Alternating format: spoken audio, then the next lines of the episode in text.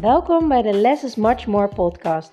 De podcast waarin je alle ins en outs komt te weten over minimaliseren en hoe je snel rust en ruimte in je huis creëert.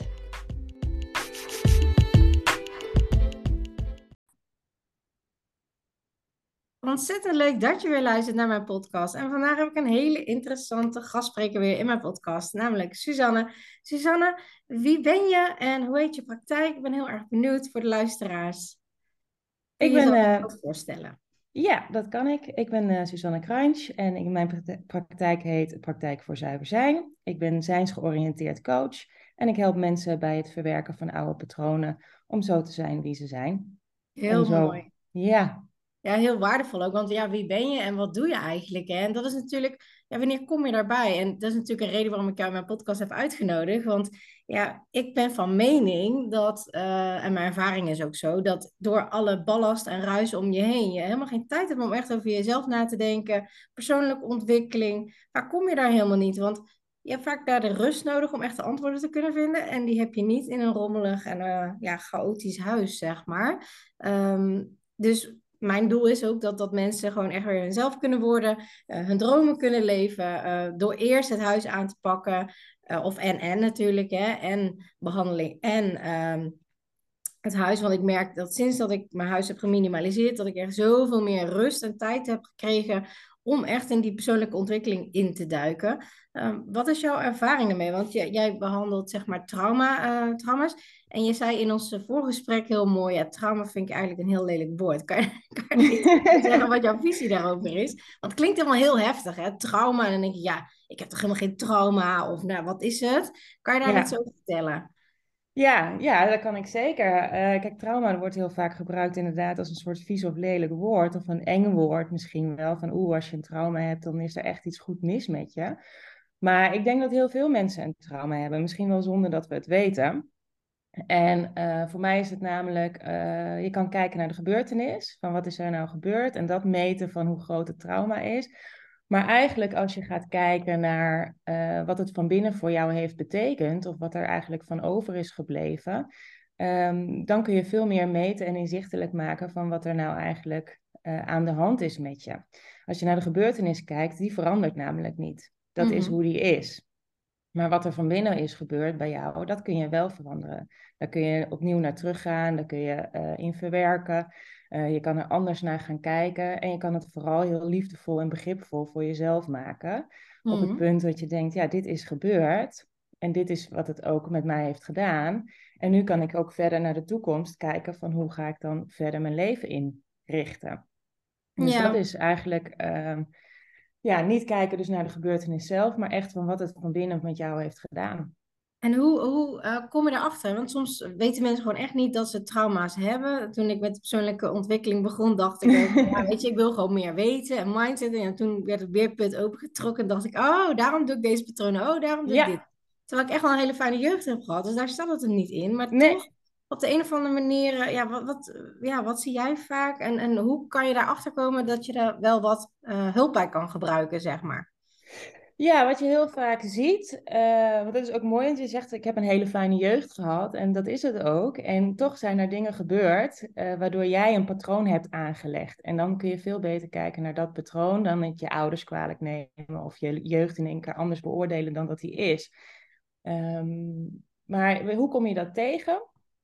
Ik denk hoe jij met jezelf omgaat of hoe iemand met zichzelf omgaat, zo gaat hij ook met de ander om in eerste instantie, maar ook in relatie tot werk, geld, het huis, uh, zelfzorg, spullen. Nou, je kan het maar zo gek niet bedenken. Het patroon wat in jou zit, dat mm-hmm. zal uh, zich uiten in uh, alles wat je om je heen ziet. En dan is het de vraag, wanneer begint dat? Um, ja, dat is een trigger. Het, het willen veranderen is er altijd eentje. Van hé, hey, ik zit een beetje vast en ik wil zo graag het anders doen dan dat ik het nu doe. Maar er is soms ook een verandernoodzaak. En die noodzaak gaat vaak over burn-out, het lichaam wat niet meer wil, uh, een constante overprikkeling. En dan komt het lijf en die zegt in opstand, uh, maar zo gaan we niet verder. Ja, het is heel precies. vaak een prikkel, een, een, een partner die uh, misschien iets tegen je zegt, iets met je ouders, op het werk, naar je huis. Ja, dan dan gebeurt er iets. En voor iedereen is dat anders. Ja, en ehm, hoe ben jij zo hier, hierbij gekomen? Want ik vind het altijd leuk om in mijn podcast te vragen van ja, het is leuk wat je doet, wat je doet, maar waarom doe je wat je doet, zeg maar? Wat, wat zit daarachter? Hoe ben je ermee begonnen? Hoe is jouw pad gegaan daarin? Dat vind ik altijd heel leuk uh, om te weten. Ehm, hoe is dat bij jou gegaan? Ja, ja, ik denk dat dan de makkelijkste vraag voor mij is waarom ik een praktijk uh, ben begonnen. Mm -hmm. want ja, iedereen's verhaal is altijd anders. En uh, ja, je kan wel meten aan een verhaal, maar volgens mij is iedereen ook anders. Maar ik ben dit begonnen omdat ik ook zoveel heb gemist eigenlijk in mijn pad tot waar ik nu ben. Mm -hmm. En uh, dat ligt uh, uh, voornamelijk aan het aansluiten bij waar iemand staat. Um, dat is misschien een beetje een ingewikkelde term. Ik weet niet of we daar. Maar het, het gaat over aansluiting. Aansluiting mm -hmm. vinden bij de persoon. Um, het gaat over liefdevol en begripvol. Het gaat over het niet anders proberen te maken dan dat het is. Heel vaak mm -hmm. zie je als je bij een psycholoog gaat praten, of dan ga je naar de positieve mindset, ga je er uh, nieuwe strategieën omheen proberen te bedenken. Mm -hmm. uh, die tijdelijk werken, maar het oude patroon blijft altijd sterker en die zou van onderaf blijven drukken totdat het eigenlijk te laat is en je in een burn-out terechtkomt bijvoorbeeld. Ja. Um, dus alle dingen die ik heb gemist uh, in het pad, die probeer ik nu voor anderen um, ja, daar wel te zijn. En ik merk dat dat heel fijn is, dat het opluchtend werkt en dat er veel meer zelfacceptatie, veel meer zelfliefde ontstaat. En vanuit die zelfliefde en acceptatie eigenlijk een hele andere nieuwe visie van uh, leven komt. Zonder mm -hmm. dat je daar iets voor hoeft te bedenken, doelen hoeft te maken, uh, strakke lijnen hoeft te zetten richting de toekomst. Het gaat dan eigenlijk als vanzelf.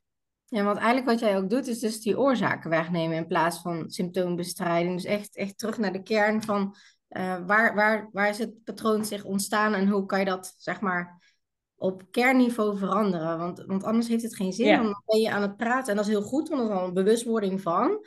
Maar echt die, die, zeg maar net als onkruid zeg ik altijd vaak, weet je, je kan hem boven de, de steen blijven afknippen, maar het blijft terugkomen. Je haalt die oorzaak ja. niet weg. Ja, ja, ik maak wel eens de vergelijking, en dat doen er ook wel meer, met de strandbal die onder water is. Ja. Uh, of pingpongballetjes van delen van jezelf die je probeert weg te drukken, omdat het ze ooit niet dienend waren. Hè? Uh, een boos kind was misschien heel onwenselijk in jouw thuissituatie. Nou, dan ga je die boosheid wegdrukken. Maar dat is een soort pingpongballetje en dan komt er nog een pingpongballetje. En je blijft jezelf maar aanpassen mm-hmm. om uh, voldoening, goedkeuring, waardering van de buitenwereld te ontvangen. Uh, maar uiteindelijk willen die pingpongballetjes ook allemaal geleverd worden. Dus die gaan drukken van, van onderuit. Um, en wat we doen eigenlijk is, ja, ze, ze zien.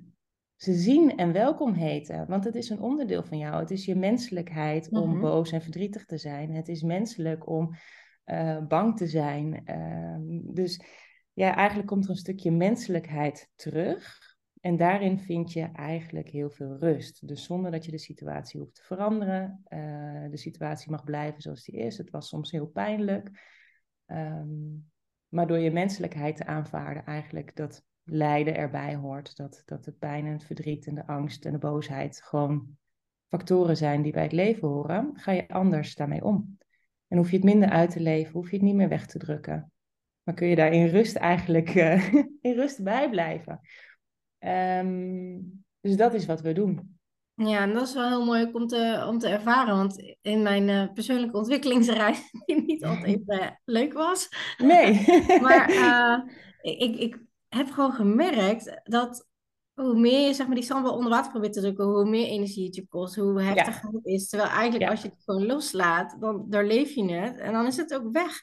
Terwijl ja heel veel mensen ook ontzettend, en dat deed ik ook, ontzettend veel moeite doet om het allemaal maar niet te zien en door te gaan. En de ene doet dat in kaart werken en de andere doet dit en alleen maar iedereen pleasen. En hè, dan, uh, dan is het een fijne, harmonieuze omgeving. Of de ander doet dat in spullen kopen om hè, even de dopamine shot te hebben van, oh, ik voel me helemaal goed. Terwijl eigenlijk die kern ligt bij jezelf. En, uh, maar dan moet je wel durven aankijken. En dat is ja. wel uh, een ding, ja. Ja, ja, en gelukkig is daar heel veel begeleiding in uh, te vinden en heel veel manieren ook om het te doen. En uh, um, ja, ik denk dat het heel belangrijk is om de manier te vinden die bij je past.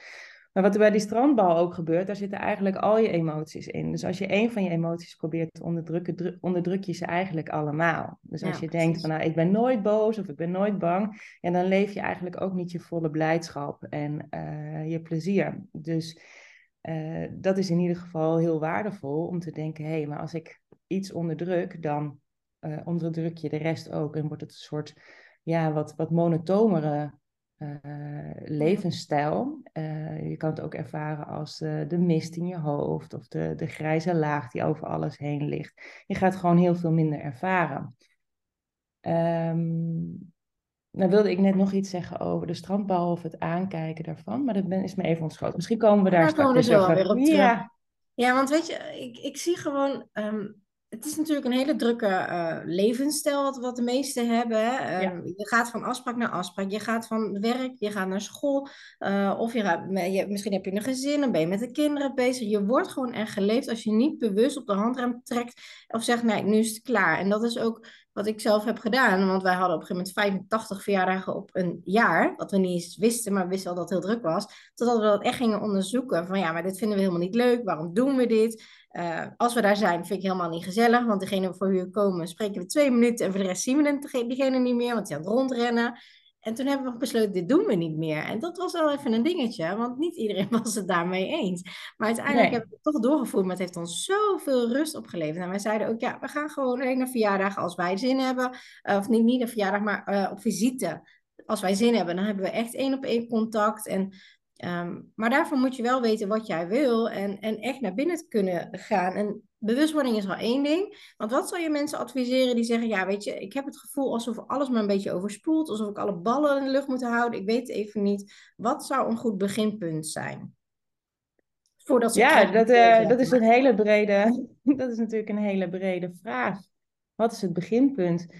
Um, ik denk sowieso waar je de podcast mee begon, is dat als je huis een, een zooitje is, of er komen heel veel, hè, hij is vol in ieder geval, en je krijgt mhm. veel prikkels binnen, dan zit je in een zenuwstelsel uh, wat uh, het uh, vechten, vluchten aanwakkert en een bepaalde mhm. alertheid. En in dit zenuwstelsel verwerk je eigenlijk nooit. Dus als je ehm, zoiets wil starten, dan zou het toch zijn dat je, denk ik, het lichaam en de geest tot rust mag brengen. En vanuit daaruit komt eigenlijk die pingpongballen of die strandbal vanzelf omhoog. Ja. Uh, je ziet natuurlijk ook heel veel mensen die niet tot rust kunnen komen. Nou, dan weet je eigenlijk al dat die altijd in dat zenuwstelsel staan. En dan is lichaamsbeweging bijvoorbeeld heel goed.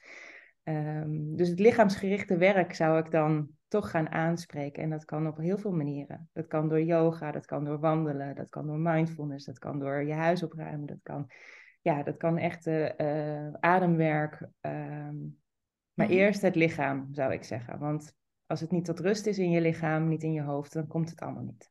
Nee, precies inderdaad. Dus als je echt wil beginnen met de zelfontwikkeling, ehm, vanuit die rust, dan kun je jezelf gaan vinden. Want als je het vanuit die do-mindset doet, van ja, ik ga mezelf even fixen en ik ga even dit, sowieso valt er nooit wat te fixen, want je bent niet kapot. Nee. je haalt gewoon wat lagen hè, van jezelf af als een soort ui die je afpelt. Want in de mindset heb ik echt heel veel dingen kunnen vinden ook. Van ja, maar hoe werkt het nou eigenlijk? En wat ben ik eigenlijk aan het doen? En wat vind ik belangrijk en wat niet?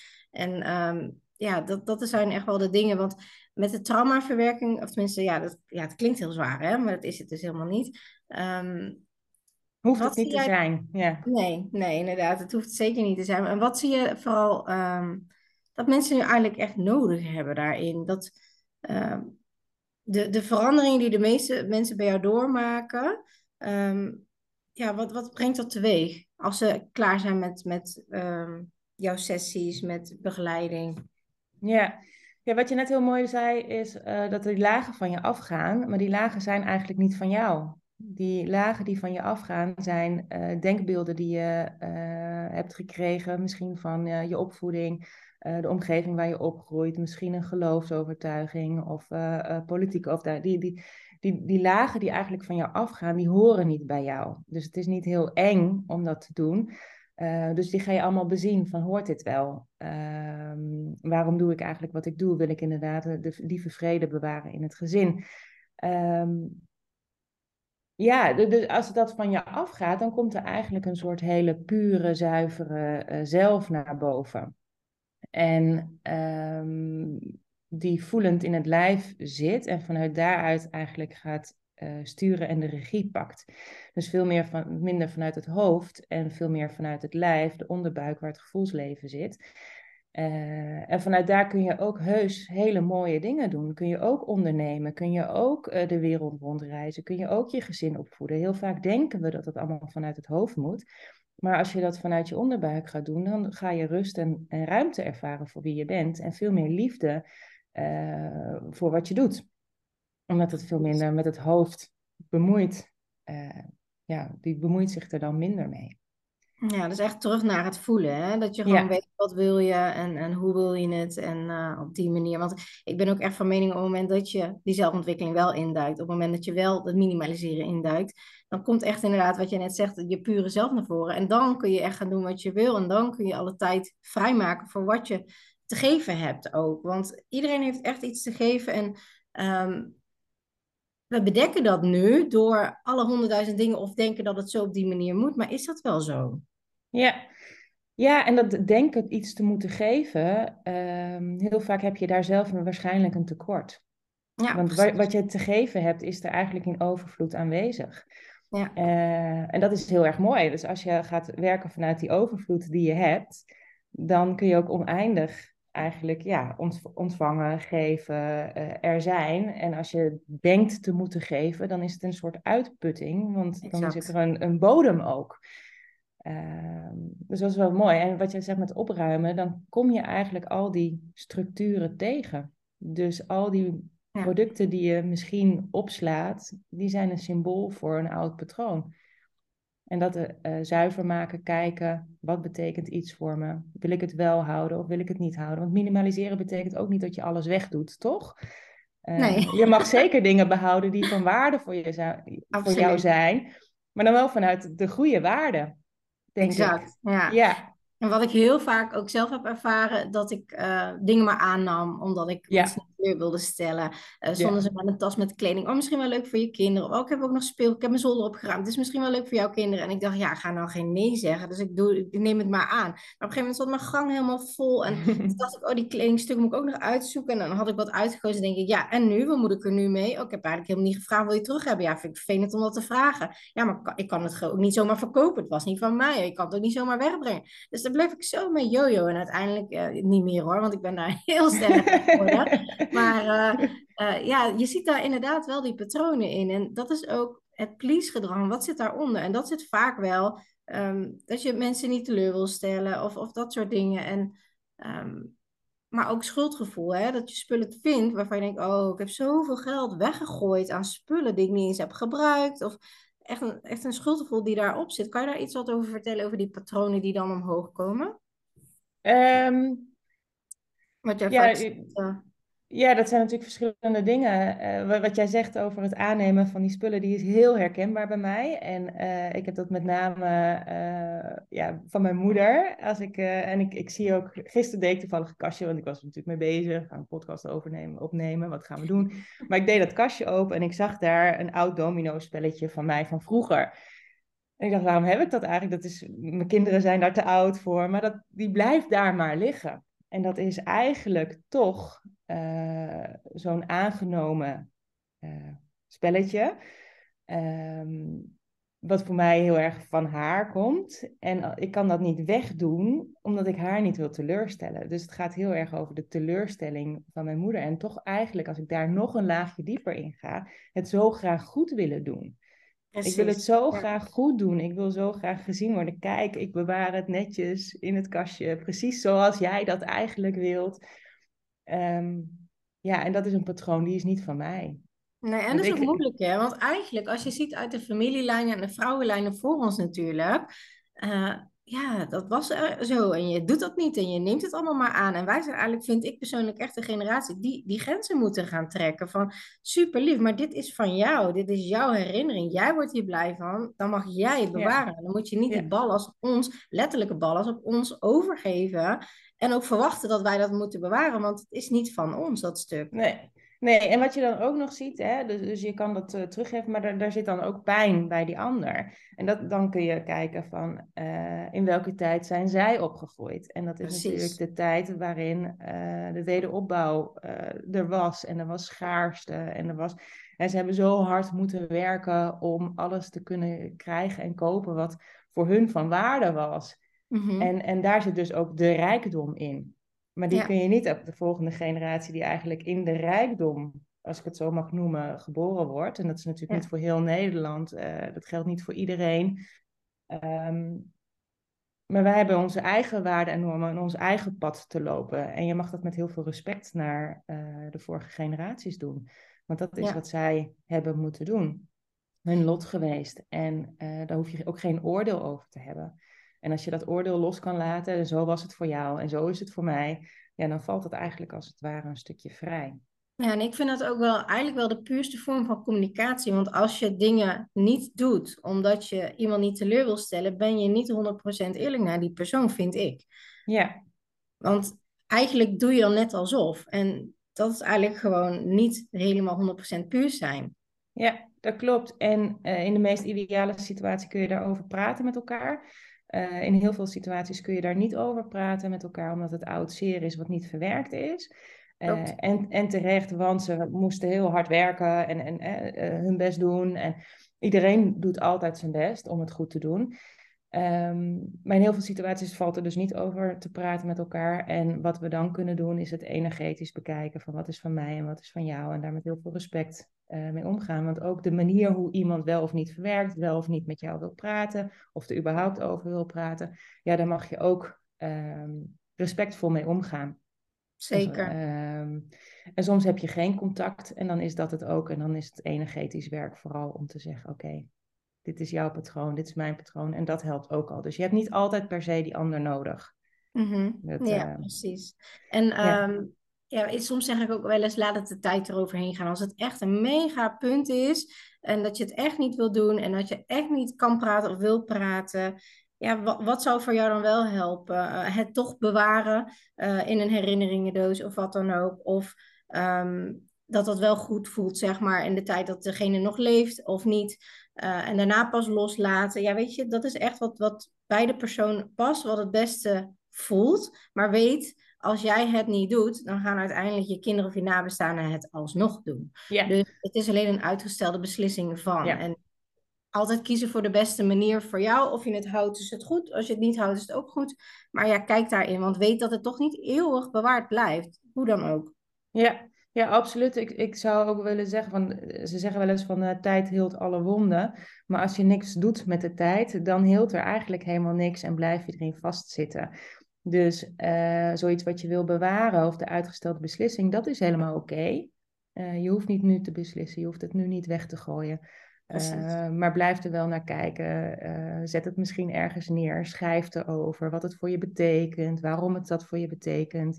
Ehm, ja, schrijven is een, een, een, hele waardevolle methode, omdat je vanuit het onderbewuste eigenlijk alles waar laat zijn. Je kan praten, en schrijven heeft eigenlijk hetzelfde effect. Mm-hmm. Um, je hoeft het ook niet terug te lezen, je mag het verscheuren, je mag het weggooien, um, maar het lucht wel je systeem op. Dus je zou zo'n zo'n object eigenlijk waar je moeilijk afscheid van neemt, um, een tijdje lang kunnen gebruiken als, hé, hey, waar staat dit symbool voor?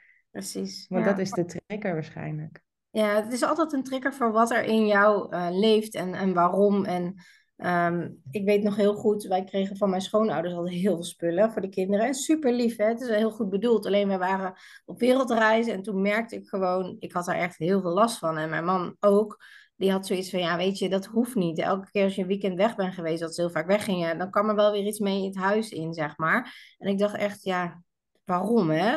Um, en toen hebben ja. wij dus echt bewust voor gekozen om vanuit Australië echt een berichtje te sturen wat het met ons deed. En dat we dat gewoon echt absoluut niet meer wilden. En wat we dan wel wilden. En ja, dat was wel heftig om dat te doen. Maar uiteindelijk heeft het heel erg opgelucht. Want ik, kan ook, ik kon op een gegeven moment ook niet meer denken van, oh ja, dankjewel, wat leuk. Ik dacht echt van, Ja. oh nee, nog meer. Ik raakte er helemaal van in de stress. Dus soms moet je de moeilijke dingen wel aangaan. Wil je patronen kunnen veranderen? Want het is jouw huis en jij zorgt wat erin komt en jij bepaalt dat en jij zet je grenzen. Maar die grens bepalen, daar kom je wel achter op het moment dat je gaat minimaliseren, dat je dat of niet doet, of lastig vindt, of dat je bijvoorbeeld bepaalde patronen in stand houdt door te gaan shoppen als je je niet fijn voelt of wat dan ook, terwijl je eigenlijk dat, die oorzaak niet aanpakt. Ja. Ja, een mooi voorbeeld ook, eh, eh, waar ik aan, aan denk dan als je veel verzamelt, dan wil je ook bepaalde gevoelens vasthouden. En eh, het vasthouden van ook de positieve herinneringen, als het ware, die, die kosten je ook heel veel energie. Want die herinnering, die zit gewoon in je hart en in je lijf. En ehm, ja, dus daar heb je eigenlijk, ben je iets extern aan het maken wat intern in jou zit. En dat kost energie.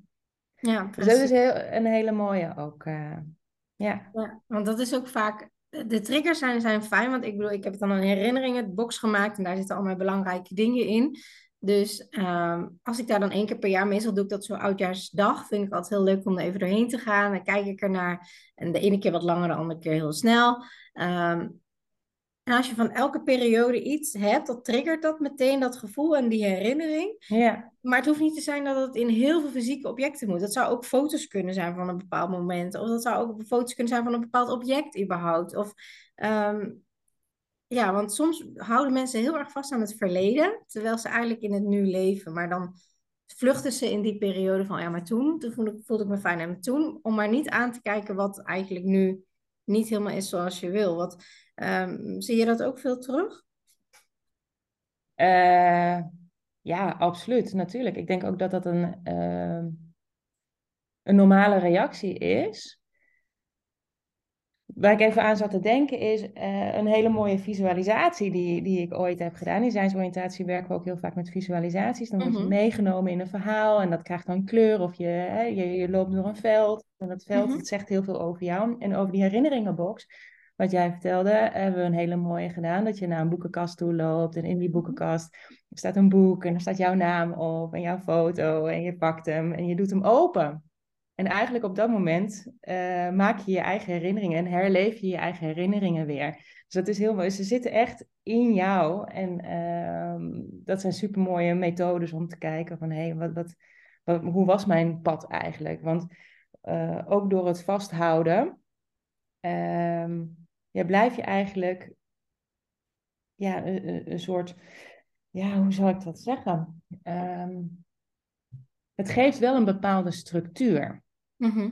eh, een bepaalde controle eigenlijk, zou je kunnen zeggen. En daarmee wil ik niet zeggen dat je alles weg moet doen, maar daar gaat het uiteindelijk wel over. Want eh, wat als je het helemaal los zou laten? Is er dan een angst dat er niks meer is? Of zit er een waarde in, in wat je allemaal hebt gedaan?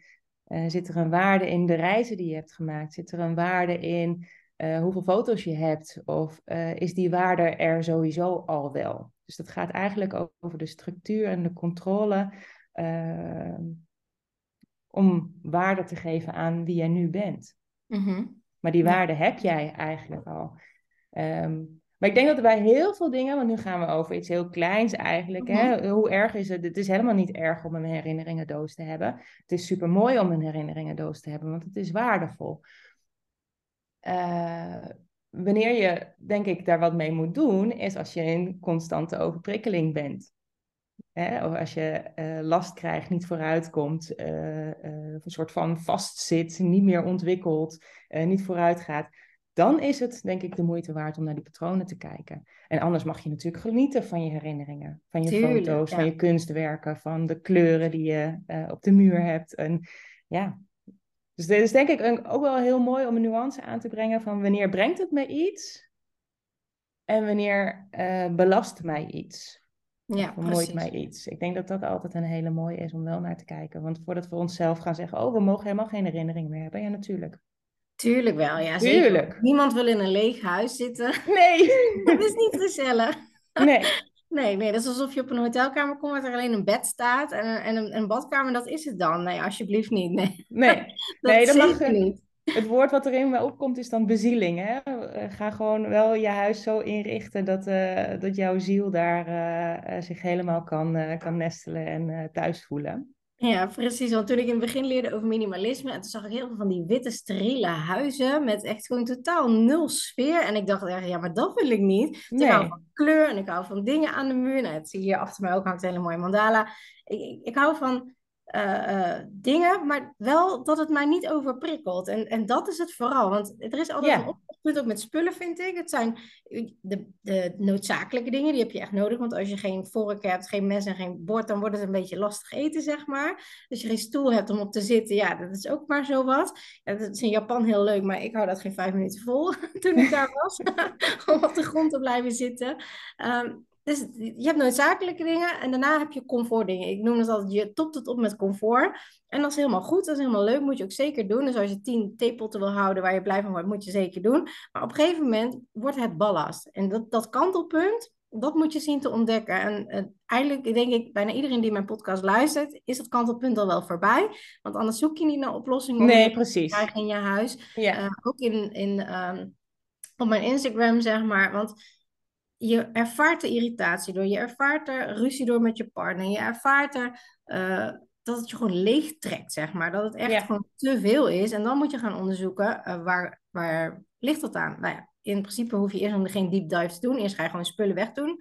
Uh, spullen voelen. Wat vind ik fijn, wat niet fijn, waar twijfel ik over. En dan kom je vanzelf inderdaad die patronen tegen. En als je die patronen tegenkomt, dan kun je er iets aan gaan doen. En dan kun je gaan kijken, hé, hey, maar waarom wil ik altijd maar alles aannemen? Waarom wil ik voor iedereen klaarstaan?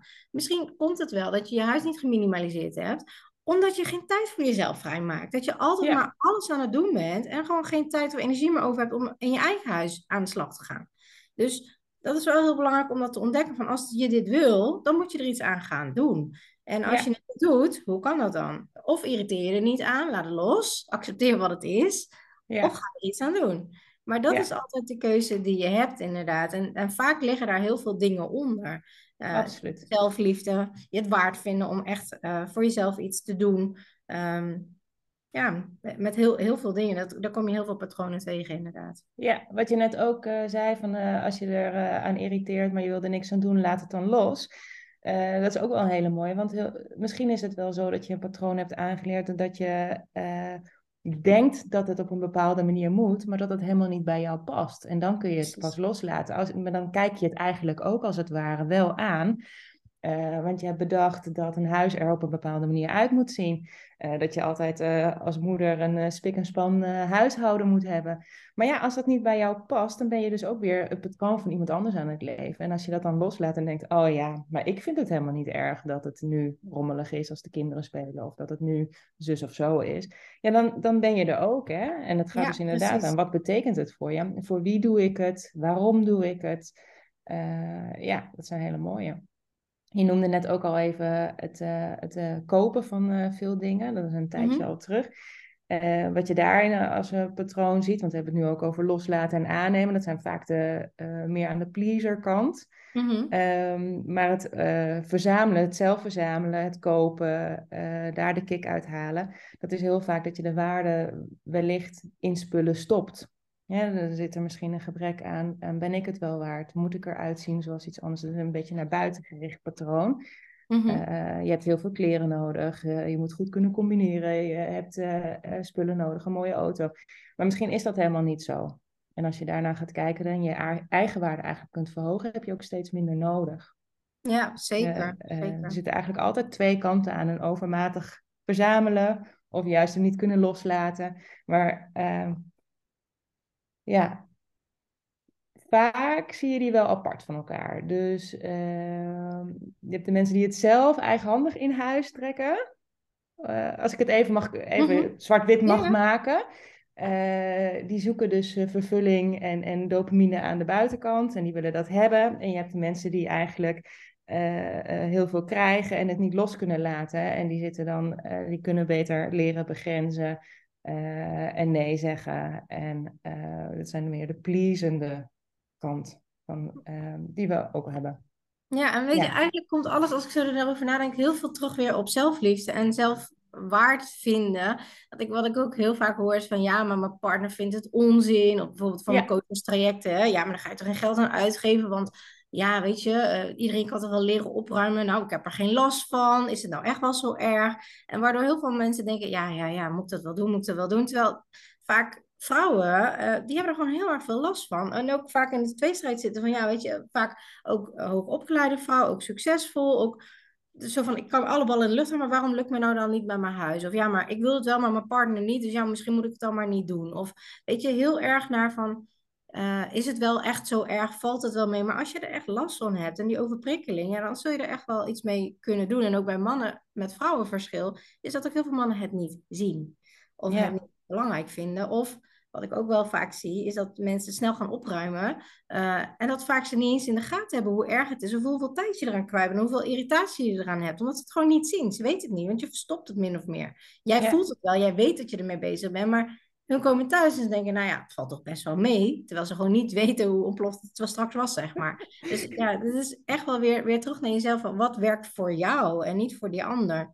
Ja, ja, absoluut. Het zijn bij uitstek allemaal voorbeelden waarbij je uh, patronen leeft van iemand anders. Je partner vindt het wel belangrijk of niet belangrijk. Jij moet het uitvoeren, maar wil het eigenlijk niet doen. Misschien wil jij het juist op, opgeruimd hebben, uh, waardeert de ander het niet. Uh, ja, ik denk dat het heel erg gaat dus over wat wil jij? En hoe word jij blij en gelukkig? En uh, als, je, als iemand overprikkeld wordt van uh, de kleur blauw, even heel gek gezegd, mm -hmm. en mhm. iemand anders niet, dan is het niet minder waar, uh, waar dat jij overprikkeld wordt van blauw. Ja. Uh, en dat mag ruimte hebben. Dat is gewoon wie jij bent. En uh, dan kun je dat ook op een gegeven moment uh, gewoon tegen je partner gaan zeggen. Ja, ja, sorry, maar jij zit... Of niet, niet eens sorry. Geen sorry. jij zit anders in elkaar. Ik vind ja. dit belangrijk. Jij vindt dat belangrijk. En hoe gaan we daar samen uitkomen? Precies. in plaats van jij doet dit of jij doet dat. Of, of elkaar de, de waarde probeert op te leggen. Ja. Ik wil een opgeruimd huis en jij moet dat voor mij gaan uh, verzorgen. Ja, zo werkt dat niet. Maar je kan wel met elkaar om tafel gaan zeggen, zitten en zeggen: hé, hey, maar ik word daar heel druk van of heel onrustig van of ik werk er zo hard voor. Hoe kunnen we dat samen gaan doen?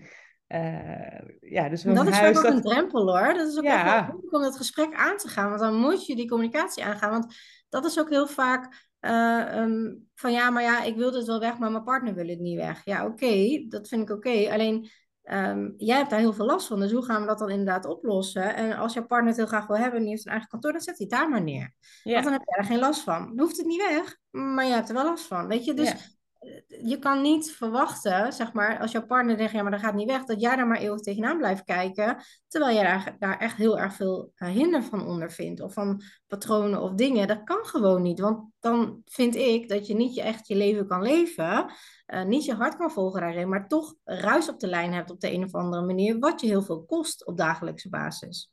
Ja, ja, en ik denk dat het wel heel belangrijk is dat er twee kanten van het verhaal uh, naar boven komen. Dus voor de ene betekent het heel veel en voor de ander uh, ja, uh, is het een belasting. beide is waar. En als je in relatie bent met elkaar, dan zul je toch elkaar ook daarin moeten horen en ondersteunen. en samen tot de oplossing moeten komen. Wat, wat me in me opkomt is, als jij zegt. Um, ja, mijn partner dit of mijn partner dat. Met wie werk jij? Werk jij met alle twee in het huis of werk je altijd eigenlijk maar of vaak met één iemand? Ik? De... Ik werk altijd ja. met één iemand. Ik werk altijd met, uh, ik werk eigenlijk altijd met vrouwen. En uh, het grappige is, uh, vaak denken ze, het ligt aan mijn kinderen, het ligt aan mijn partner, maar dat is niet zo. Je begint al bij jezelf. En je, je kan met jouw eigen spullen beginnen. Je kan eventueel afspreken met je partner, wil jij samen met mij de gezamenlijke dingen doen, zoals de keuken en zo. En dan 9 van de 10 keer zegt de partner, nee, ik vind alleen deze pan belangrijk en dit en dit gebruik ik, maar de rest maakt me niks uit. Kies jij maar. Dus eigenlijk ja. kan, uh, kan als vrouw zijn je nou, zeker wel 75% van het huis helemaal zelf doen. Um, dus ik werk altijd met de vrouw, maar ik zie heel vaak dat partners erop aanhaken. En ik zeg ja. ook altijd, um, wees heel duidelijk naar je partner. En als je wat oudere kinderen hebt, jij gooit niks weg van hun, helemaal niks. Het enige wat je doet is het apart zetten, zodat hun overzicht krijgen. Oké, okay, wat is van mij en wat heb ik nog wat mee te doen? Want um, bijvoorbeeld wat iemand anders heel belangrijk vindt, kan jij niet bepalen. Nooit. Nooit. Nee. En dat heb ik bij kinderen ook gezien. Vanaf vier jaar vind ik dat, ze, dat je niks van hen mag bepalen. Je mag ze begrenzen. Bijvoorbeeld, dit is een plank, je kunnen tien knuffels op, je hebt de dertig, kies de tien mooiste uit. Maar hun kiezen welke. Ook al vind je ja, het zijn hun dingen. Jij mag Ja. dat niet voor hen bepalen, nooit niet. En dat zie ik ook heel vaak later. Als mensen heel erg aan spullen vasthangen, komt het vaak omdat anderen voor hun hebben besloten dat de dingen weg moesten. Waar hun heel Ah, veel ja. waarde aan hebben ge- gehecht, zeg maar. Dus dat is super belangrijk dat je dat niet doet. En eh, heel veel partners, in het begin zien ze het niet. Dan denken ze, ben je toch allemaal aan het doen? Het wordt vaak ook wat erger in het begin. Ehm, en dan denken ze, ja, ik weet niet wat je aan het doen bent. Ja, fijn dat je dit wil. En leuk dat je die cursus doet, maar ja, ik, ik snap het nut er niet van. En Ja. dan op een gegeven moment dan sturen ze maar een berichtje en dan zeggen ze, nou, je gelooft het nooit. Ze zeiden, wat is hier gebeurd? Die kast en ik kan alles vinden en ik hoef niet meer te zoeken. Hé, hoe kan dat nou? En dan, denk, ik, dan moet ik lachen en dan hun ook. En dan zeggen ze, ja, daar zijn we al maanden mee bezig. Maar nu ineens valt het kwartje of zo. Of dat ze zeggen van, ja, maar mijn partner, ik heb alles apart gezet. Nou, die is ook helemaal minimaliseren geslagen. Die heeft er tijd voor vrijgemaakt. Die helpt mij nu mee. Die brengt alles naar de kringloop. Dus ze haken erop aan, omdat jij niet meer de verantwoordelijkheid bij anderen neerlegt. Je bent zelf bezig en ze zien het effect. Ze zien wat het met je doet. Ze zien wat het met het huis doet. Ehm, jij wordt een leuke persoon er vaak van. Je krijgt meer energie. Je houdt meer tijd over. En dat is een win-win voor iedereen. Ja, En dat is ja heel wat mooi. ja, dus je hebt je partners er niet voor nodig. En ja, uiteindelijk, soms moet je wel gewoon in overleg van, ja, hij wil niet dat ik dit wegdoe. Zeg, maar van wie is het dan? Ja, van mij. Ja, waarom zou jij dat niet wegdoen? Ga dat erover in gesprek. Vra ben, benieuwd naar die visie daarachter. Want hier ook in huis, wij gingen naar een tiny house, dus wij moesten heel veel minimaliseren. Mijn man was het daar ook mee eens, maar hij moest wel ook gaan minimaliseren. En hij zei, ja, maar al jouw spullen, het huis staat vol met jouw spullen. Ik zei, nou, ik denk het niet. Jawel, dat is aan jouw spullen. Dat is ook wat iemand denkt, hè. Totdat ik echt in, gewoon visueel zichtbaar werd wat van hem was. Want ik zei, deze hoek, ja, dat zijn jouw spullen toch? Ik zeg, nee, nee, nee, dat zijn jouw spullen. Oh, echt? Heb ik zoveel? Hij had het gewoon serieus niet door. Toen dat hij er doorheen ging, ik heb het ook begrensd. Ik zei, nou ja, weet je, tiny house zo, deze kast hebben ontworpen, zoveel bakken kunnen gebruiken. Het maakt me niet uit wat je erin stopt, maar dit zijn de bakken die je hebt. Dat is het. En dus hij ging daarop, die begrenzing, ging hij het minimaliseren. Dus je geeft wel bekadering, maar hun kiezen. Ehm, en hij zei ook, omdat wij op wereldreis daarvoor waren geweest met alleen handbagage, van jeetje, wat lucht dit op en wat fijn. En hij, hij wist niet dat het zo'n effect zou hebben, totdat hij het ervaarde. En toen dacht hij, wow, dit, dit is zo fijn.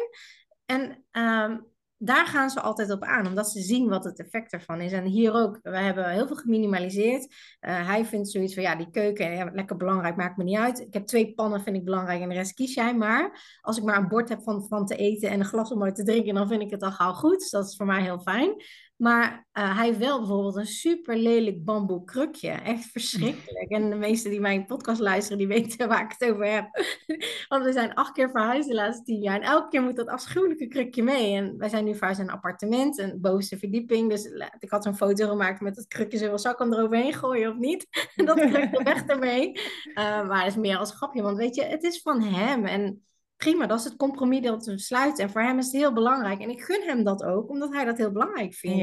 En dat is ook het geven en nemen in de relatie. En hij staat nu ergens waar ik het niet zie.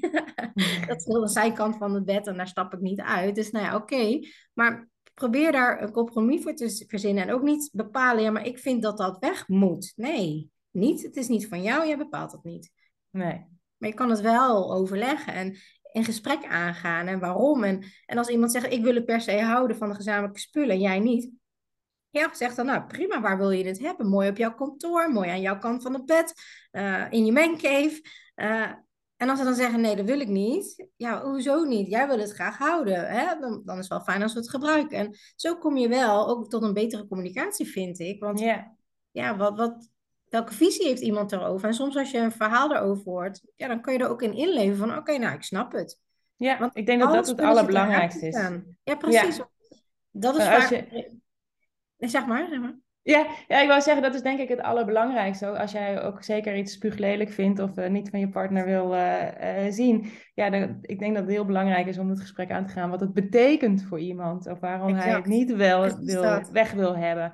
Uh, want uh, jij bent compleet, hij is compleet. En er zitten leuke kanten aan en minder leuke kanten. Hè, als ik het weer even naar het persoonlijke toe haal. En uh, ja, je, je kan hem alleen maar compleet accepteren eigenlijk. En niet iets van hem weg willen stoppen.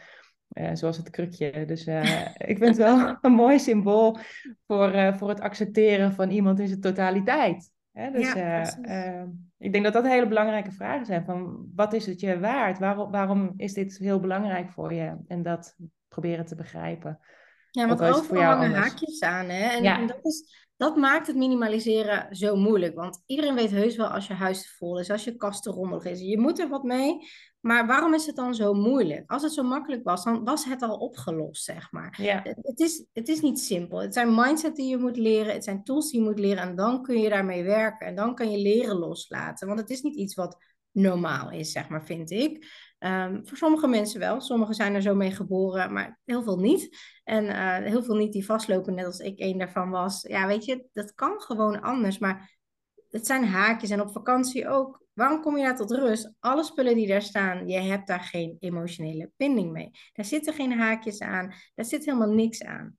Dus, dus dat is en in jouw huis wel. En dat maakt het zo moeilijk. Ja, absoluut. En dat zijn ook de patronen die je ziet. En dat je heel vaak ook hoort van, ja, maar ehm, ik kom heel veel van mezelf tegen. Ik heb al die keuzes gemaakt. Ik heb er nu spijt van. Ehm, kan je daar iets over vertellen over spijt en schuldgevoel, zeg maar? Want ja, mijn visie daarop is dat als je het loslaat, dat je ook letterlijk die ballast loslaat. Het zijn lessen die je hebt geleerd, maar hoe kijk jij daarnaar? Ja, uh, Even, ja, het is wel heel mooi, want het schuldgevoel kwam ook inderdaad bij mij even uh, naar boven. Ik denk in ieder geval dat het proces waar je doorheen gaat, dat dat heel veel respect mag hebben. Uh, als je het in het verleden anders had kunnen doen, had je het anders gedaan. Ik denk dat dat ook geldt voor opruimen, minimaliseren, schoonmaken, Tuurlijk, uh, opvoeden. er zijn heel veel onderwerpen die je on the way eigenlijk leert. En wat je heel vaak ziet is een soort van strengheid, een criticus die, die meekijkt en zegt van, oh, was het zo simpel? Nou, had je dat niet eerder kunnen doen?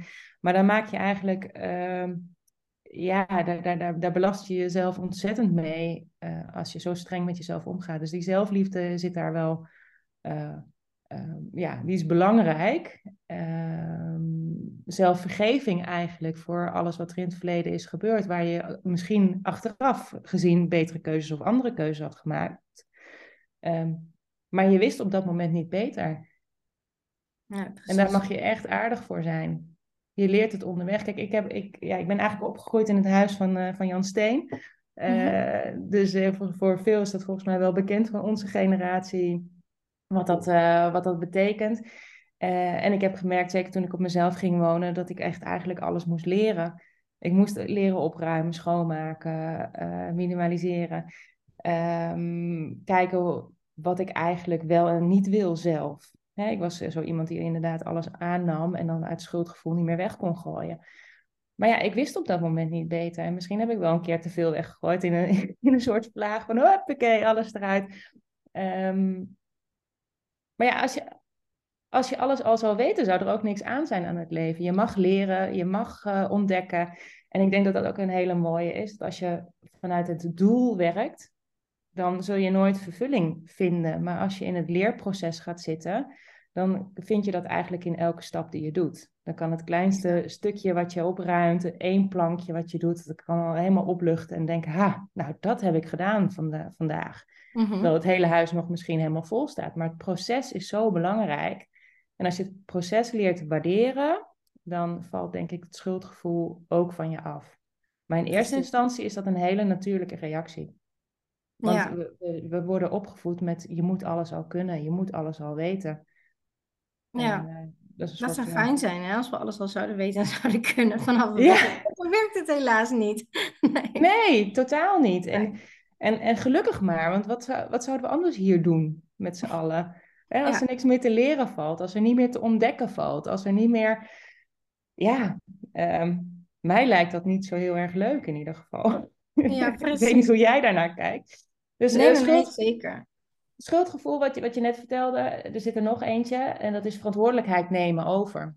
Ja, uh, dat kwam ja. um, op toen je vertelde over het is ook het huis van je partner en de kinderen. En dat is ook zo. Kijk, kinderen die horen onder jouw verantwoordelijkheid. Dus die, die mag je gaan helpen met waar jij nu staat. Je kan ze ook alleen maar helpen met wat jij weet. Precies, als je, als je het zelf niet kan, ja. je moet het eerst zelf leren. Maar dan zijn je kinderen degene voor wie je verantwoordelijkheid hebt en uh, mee mag nemen in het verhaal. En heel vaak zie je nog ruim je spullen op. Uh, hè, heel veel strijd zit daarin. Gooi je tas niet daar neer. Um, hè, zet je schoenen een keer in het rek. Maar als jij niet het goede voorbeeld geeft, kunnen ze het ook niet leren. Uh, maar je partner, die is mede verantwoordelijk eigenlijk voor het huishouden. En als je uh, samen die verantwoordelijkheid gaat dragen, uh, in gesprek daarover kan zijn, dan zou dat heel erg mooi zijn. En wat jij vertelt is, de, de vrouw start meestal met het opruimen van het huis en de man haakt aan. En als een man zegt, ja, doe maar wat jij wil, dan is hij eigenlijk niet mede verantwoordelijk voor het huis wat je samen hebt. Ja. En wat je dan ziet gebeuren bij de vrouw, is dat ze uh, te veel verantwoordelijkheid gaat dragen op haar schouders die niet van haar is. Dus ze gaat beslissingen nemen voor iedereen. En dat is een heel onprettig gevoel. Um, tenzij, dat zie je ook in zelfontwikkeling, vaak begint eentje van de twee in de relatie met mhm. zelfontwikkeling en de ander kan eigenlijk niet achterblijven. Want als dat wel zo is, dan gaat het schuren. Ja. Uh, en uiteindelijk kan dat tot ja, vervelende consequenties volgen, maar soms ook nodige consequenties. En dat zie je dus ook in het opruimen ook. En dan uh, als je dus samen die verantwoordelijkheid gaat dragen over je huis, uh, dan vallen de schuldgevoelens ook weg. Want je voelt je namelijk schuldig over dingen waar je verantwoordelijkheid hebt gedragen die niet van jou was. Precies, ja. En ik geloof, het, ik geloof ook wel dat het voor partners, uh, kijk, uh, wat voor partner je ook hebt, man, vrouw, maakt allemaal niet uit. Maar vaak de partners uh, kunnen daar ook niks aan doen. Want heel vaak wat wij doen is, nou weet je, laat me zitten, ik doe het zelf wel, dan ben ik sneller. Of ja, laat nou maar, jij doet het toch niet op mijn manier, laat maar. Dus je neemt het gewoon ook letterlijk uit iemands handen. En op een gegeven moment zegt die ander ook, laat maar zitten. Dan ga ik daar niet meer doen. Als jij vindt dat je het beter kan, dan doe je dat maar. Dus weet je, ook dat is wel heel belangrijk om dat te beseffen. Um, dat jij dat ook misschien zelf hebt, wel hebt overgenomen. Maar dat betekent ook dat je ook zelf wel kan kiezen dat je het weer terug gaat geven. Ja, ja Wat ik heel vaak doe, ik heb, ik heb verschillende technieken daarin. Um, sowieso ook om als je die overwelm hebt, om heel snel binnen een halve dag een hele ruimte te resetten. Dat je voelt, ik kan dit zelf, ik weet nu hoe het moet. Maar ook uh, voor partners, bijvoorbeeld een uitzoekkrat voor partners. Ik noem dat vaak de tovertasmethode. Als de dingen slingeren, je gooit alles in een tas, die zet je in de kelderkast en dan heb je gewoon je rust. Zoekt iemand het, kunnen ze het daarin vinden. Of als jij zin en tijd hebt, dan zoek je het uit. En per persoon een bakje in de voorraadkast bijvoorbeeld Ehm, dus als je partner spullen kwijt is en ze hebben er uiteindelijk, je hebt een systeem daarop gecreëerd en je hebt het aan hem uitgelegd en je hebt samen meegenomen en je hebt het samen bepaald wat hij een fijne plek vindt. Uh, hij doet het niet. Ja, op die manier kan je dan toch zorgen dat jij die overprikkeling niet meer hebt, geen geruzie meer. Je gooit het in de tovertas, één keer in de week zoek je die tas uit, je doet het in zijn bakje en als iets kwijt is, zoek ze daar maar in. Dat is hun verantwoordelijkheid. Geef die verantwoordelijkheid ook weer terug. En ga ook niet voor iedereen alles opruimen op de plek waar het hoort. Het zijn niet jouw spullen. Het is hun verantwoordelijkheid. Maar jij maakt een soort van een verzamelplek, een, een soort van centraal punt. En vanuit daar kun je het zelf doen. Ook kinderen, hetzelfde verhaal. Ja, en gaat dat niet allemaal doen. Want dan, dan zijn vrouwen die zeggen: ja, maar ik ben moe. En ja, maar ik heb heel veel uh, stress. En ja, maar ik moet zoveel doen. Ja, maar dat doe je wel zelf. Onbewust vaak. En vanuit alle goede bedoelingen. Maar er zit wel iets onder. Dat kan anders. Ja, ja als je zo'n tovertas hebt, dan neem je in ieder geval je partner werkt niet mee, neem je in ieder geval uh, verantwoordelijkheid over je eigen proces. Exact. Ja, ja. En, en over jouw rust en hoe jij uh, je voelt en uh, je vermoeidheid. Want Precies. uiteindelijk moet je het echt allemaal zelf doen. Ja, en ook met de spullen uitzoeken. Hè? Als je die allemaal in die hoek zet, wat ik zei van mijn partner, van dit zijn jouw spullen. En stel dat we niet zouden gaan verhuizen, maar ik weet wel, dit zijn mijn spullen. En hij doet dat na drie maanden niet. En hij doet dat na een jaar niet. En hij doet dat na anderhalf jaar nog steeds niet. En het staat op zolder en bij mij niet in de weg. Ja, dan is dat zo. Het heeft geen zin om daar oorlog over te voeren. Maar je weet gewoon, ja, de rest is gewoon gedaan en het zal wel. Laat dat dan ook los en ga dat dan niet op iemands nek zitten. Die is er blijkbaar dan nog niet aan toe. Nee.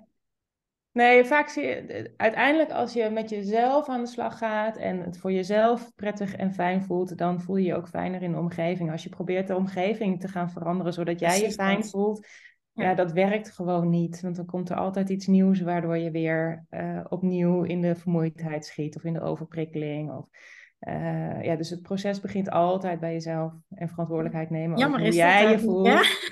Nou, ja, ja.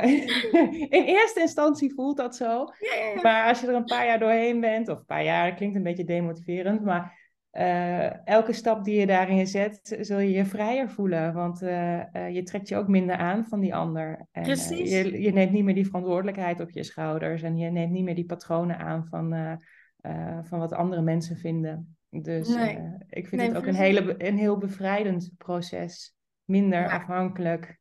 Uh, niet van spullen, niet van mensen, niet van patronen, niet van denkbeelden. Nee. En Dus, uiteindelijk dus creëer je toch je eigen leven. Want als je vandaag ja, kiest dat je gaat verhuizen naar de andere kant van de wereld, dan doe je dat. En als je vandaag kiest om een hele andere baan te nemen en je baan op te zeggen, natuurlijk heeft het even tijd nodig, want je hebt opzegtermijn of vaak of wat dan ook, dan doe je dat. Maar ja, heel vaak wat we niet zien is van ja, het gebeurt mij het leven.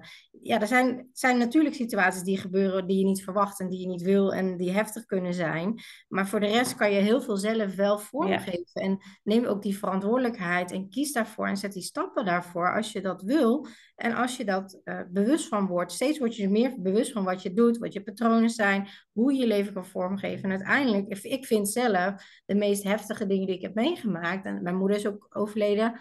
Uh, en daar ben ik daarna een hele diepe rouw gekomen. En daarna ben ik helemaal op het zelfontwikkelingspad terechtgekomen.